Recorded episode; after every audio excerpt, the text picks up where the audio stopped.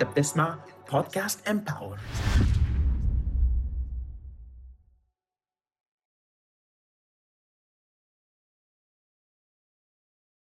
أهلا بيكم في رابع حلقة من حلقات بودكاست Smart Dentist إننا كأطباء أسنان اعتمادنا على مصدر دخل واحد شيء خطير و highly risky حاليا.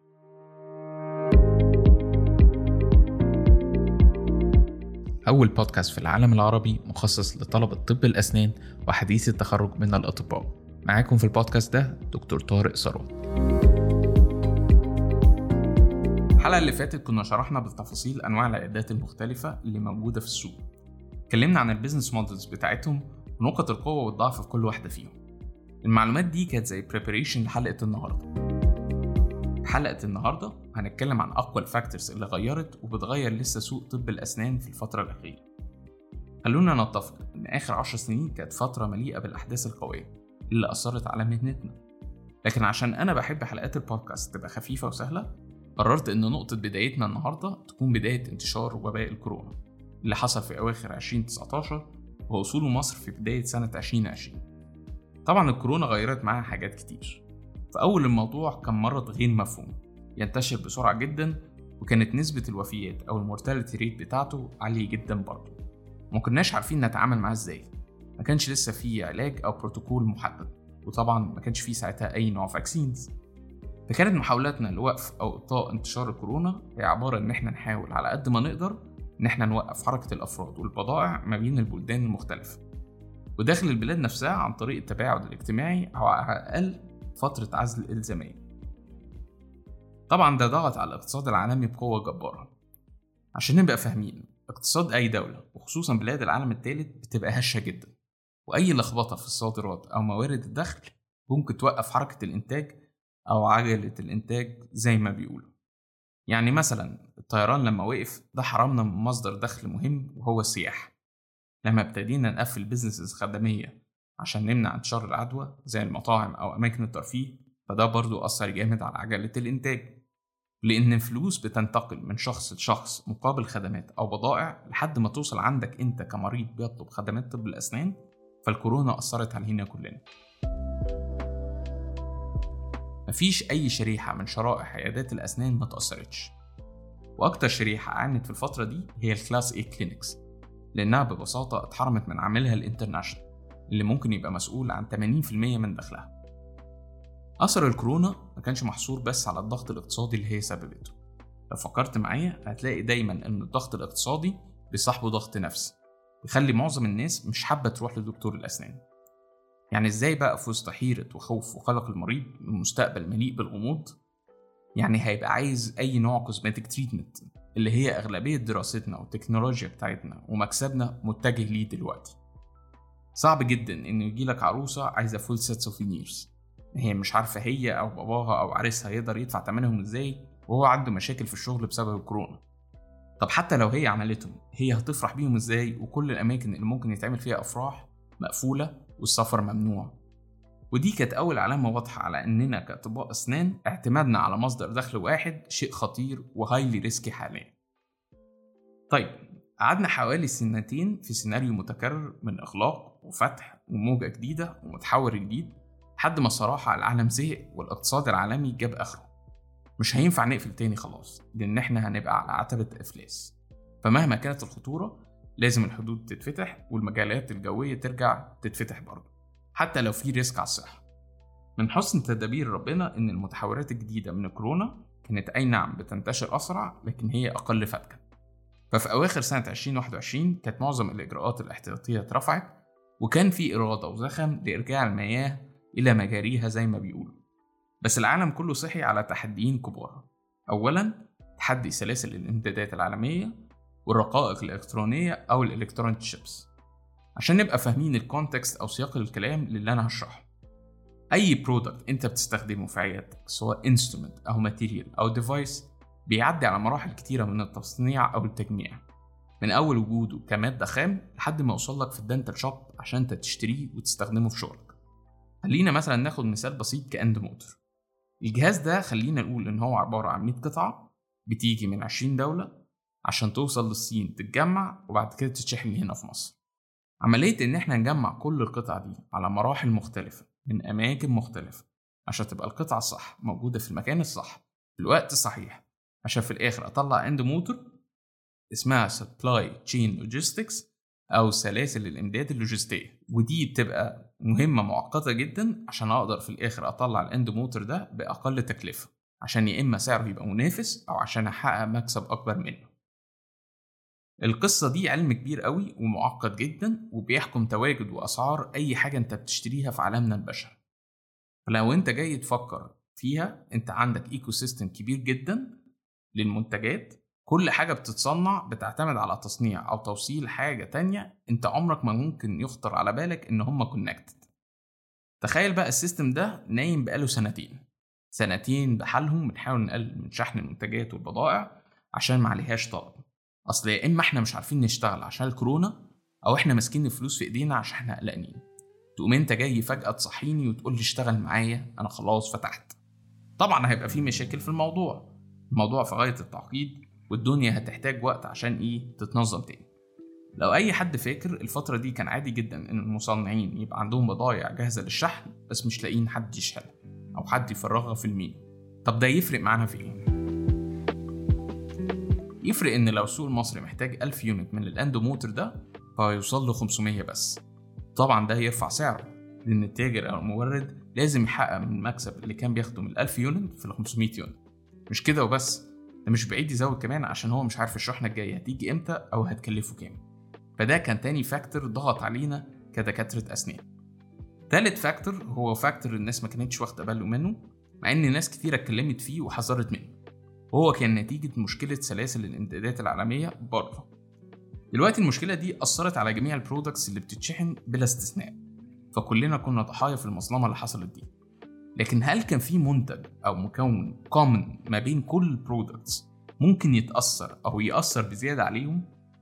one component to rule them all. لو أنت fan لسلسلة أفلام Lord of the Rings هتفهم ال reference ده. الحقيقة آه كان فيه في عالم رقمي حديث كل حاجة بتمشي فيه إلكترونيا ال electronic chips اللي بتنظم الإشارات الإلكترونية هي مكون أساسي في أي حاجة بتشتغل بالكهرباء. من أول ريموت التلفزيون للموبايلات للعربيات لل endo motor اللي إحنا بنتكلم فيه. فالشركة اللي بتصنع ال endo motor ده مع إنها عندها طلبيات كبيرة هي عايزة تنفذها هي مش قادرة لأن في shortage عالمي في ال electronic chips ال shortage ده نتيجة لثلاث حاجات. أولها إن التكنولوجيا اللي داخلة في تصنيع الرقائق دي نادرة جدا ومركزة أغلبيتها في بلد واحد فقط اللي هو تايوان. ثانيا إن الطلب عليها زاد جدا في فترة الكورونا عشان الناس قاعدة في بيوتها فبتشتري إلكترونيات زي تليفونات أو tablets أو computers سواء للشغل أو للترفيه.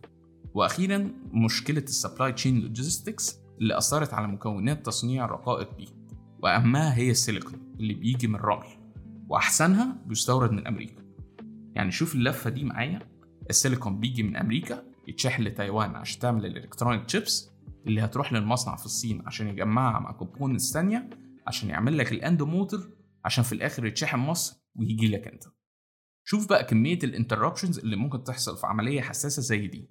فبدل ما كان هيجي 500 endo motor لا هيجي 300 بس. والشركة هتزود التكلفة العالية دي على التاجر أو المورد وهو هيحملها لك كمستخدم أو مشتري. وممكن أي حد فيهم يزود بزيادة عشان الزمن.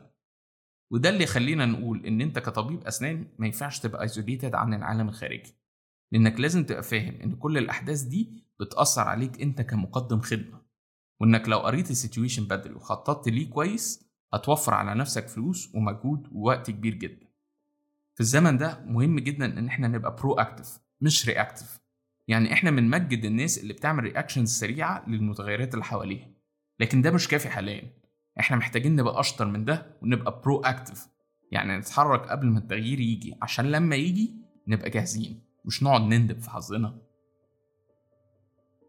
نيجي بقى لآخر ايفنت حصلت في 2022 اللي هو الحرب الروسية الأوكرانية.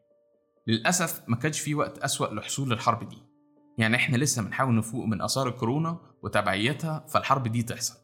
إحنا هنا هنتكلم عن الآثار الاقتصادية فقط وتأثيرها على مهنتنا الآثار تتلخص في ثلاث حاجات. أولا انقطاع مصدر كبير من الدخل السياحي لأن أكتر بلدين كان بيجيلنا منهم سياح كانوا روسيا وأوكرانيا. وسواء أنت كان بيجيلك مريض منهم أو مريض مستفيد من هذه السياحة فمصدرها للأسف انقطع ومحكوم عليه بغموض منتظرين نتيجة هذه الحرب. الحاجة التانية هي العقوبات اللي فرضت على الموارد النفطية الروسية. روسيا تعتبر من أكبر مصدرين النفط والغاز في العالم. فلما يتمنع تصدير النفط والغاز بتاعها الأوفر أول سبلاي بتاعهم عالميا بيقل. وبينتج عن ده رفع أسعارها. فبالتالي أسعار الكهرباء بتزيد والنقل. لحد ما أسعار كل حاجة بتزيد لحد وصولها للمستخدم الأخير بلا استثناء. وإحنا included في الحسبة دي. حتى لو إحنا بعيد عن ال physical location بتاع الحرب تالت حاجة بقى واللي أنتوا أكيد سمعتوا عنها وهي وقف الاستيراد.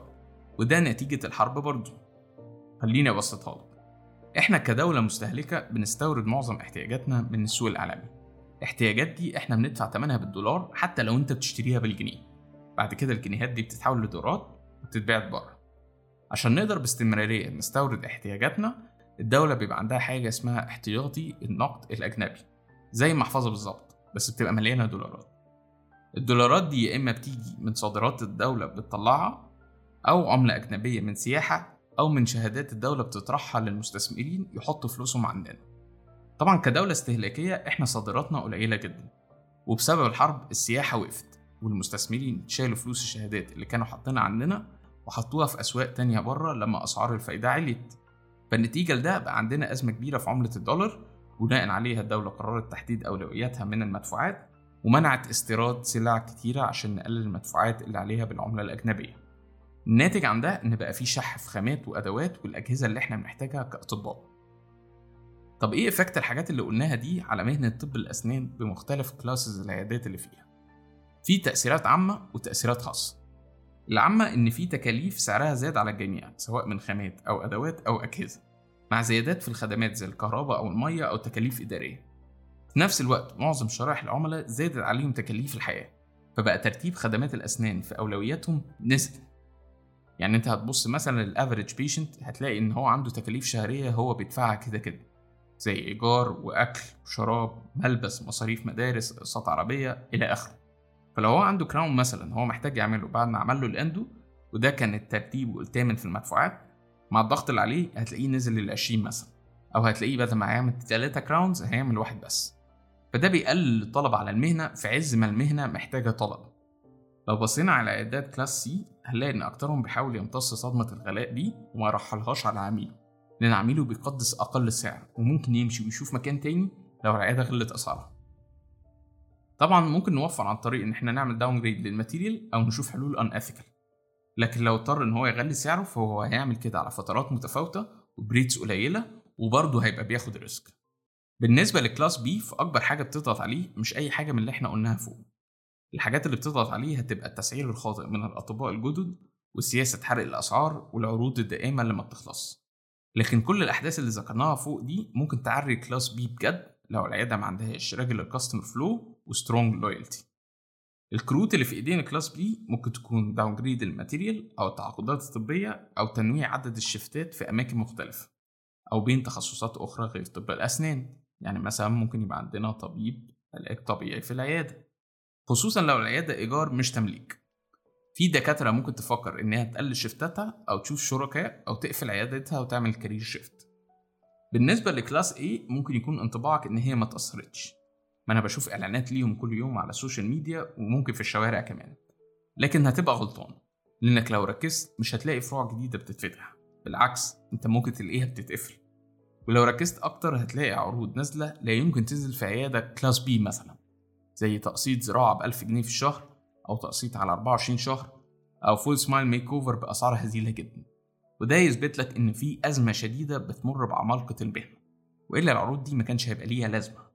الأزمة دي نتيجه إن class A clinics اتحرمت من زبونها المفضل اللي هو ال international customer واضطرت تعمل switch لل local customer اللي هي مش مهيئة إنها تستقبله لأن سعر خدماتها مش بيتناسب مع معظم ال customers دول. لكن ال class A clinics حوض ضخم ب overhead ضخم والحوض ده لازم ياكل وإلا يفنى. عشان كده هو مضطر يمشي حاله لحد ما الوضع يستقر. لكن العيادات دي بتتعلم بسرعة وبتتأقلم أحسن من توقعاتي الصراحة طيب أنت أو أنت فين بقى من الكلام ده؟ ببساطة أنت يا إما مالك عيادة أو بتدور على شغل في واحدة طب أعمل إيه في وسط كل العوامل الطحينة اللي ذكرناها دي؟ هل شخص يقدر يغير الواقع المرير ده؟ أحب أقول لك وأطمنك إنك مش محتاج تغيره هو كده كده هيتغير لوحده ده rule of life كل حاجة out of balance بتلف وترجع وتوازن نفسها كويس وتستقر وتكبر وتسوء وترجع بعديها تتصلح وهكذا دي سنة الحياة الحرب هتنتهي والاقتصاد هيتصلح والأعداد هتقل السؤال بقى هو إمتى؟ إمتى دي تحمل معاها كم رهيب من ال risk هل ده هيبقى قريب؟ بعيد؟ أنا هكون فين لما ده يحصل؟ هل هيبقى وأنا في ال prime بتاعي أو قبله أو بعده؟ طب هل أنت هتبقى راضي إنك تسيب نتيجة مصيرية زي دي للزمن؟ ولا دورك كإنسان شاطر إنك تقلل ال risk ده وتشتغل إنك تشيله من الحسبة أصلا؟ تحديات الزمن ده مختلفة عن أي حاجة جت قبل كده وبتطالبك إنك ما تفكرش فيها بالطريقة التقليدية. وأنا عامة بحطها في بالي إني لو بفكر بالطريقة التقليدية أنا غالبا مش هعرف أوصل للي أنا عايزه. وأديني يا سيدي مفكرتش بالطريقة التقليدية وأنا وأنت حاليا قاعدين بنتكلم. مش هينفع في الزمن ده إنك تعتمد على مصدر دخل واحد. لازم تنوع مصادر دخلك خصوصا لو أنت طبيب أسنان. تحدياتك ما تسمحلكش بغير كده. وبعدين أنت مش مضطر يبقى فيه conflict ما بين الحاجة اللي أنت ممكن تعملها وطب الأسنان. ممكن يبقوا مختلفين أو مكملين. ممكن تبقى حاجة أنت بتحب تعملها أو حاجة أنت بتدفع بيها مصاريفك أو بتقوي بيها نفسك. لكن من الضروري إن يبقى عندك financial freedom financial security. وإن أهدافك ال materialistic ممكن تتحقق ما تبقاش مستحيلة. في الحلقة الجاية ده هيكون موضوع وهنقل لكم خبرتي اللي أنا عشتها بنفسي في الموضوع ده. آسف إني طولت عليكم. أشوفكم في الحلقة الجاية بإذن الله. بتمنى لكم دايما يوم سعيد ومستقبل أفضل.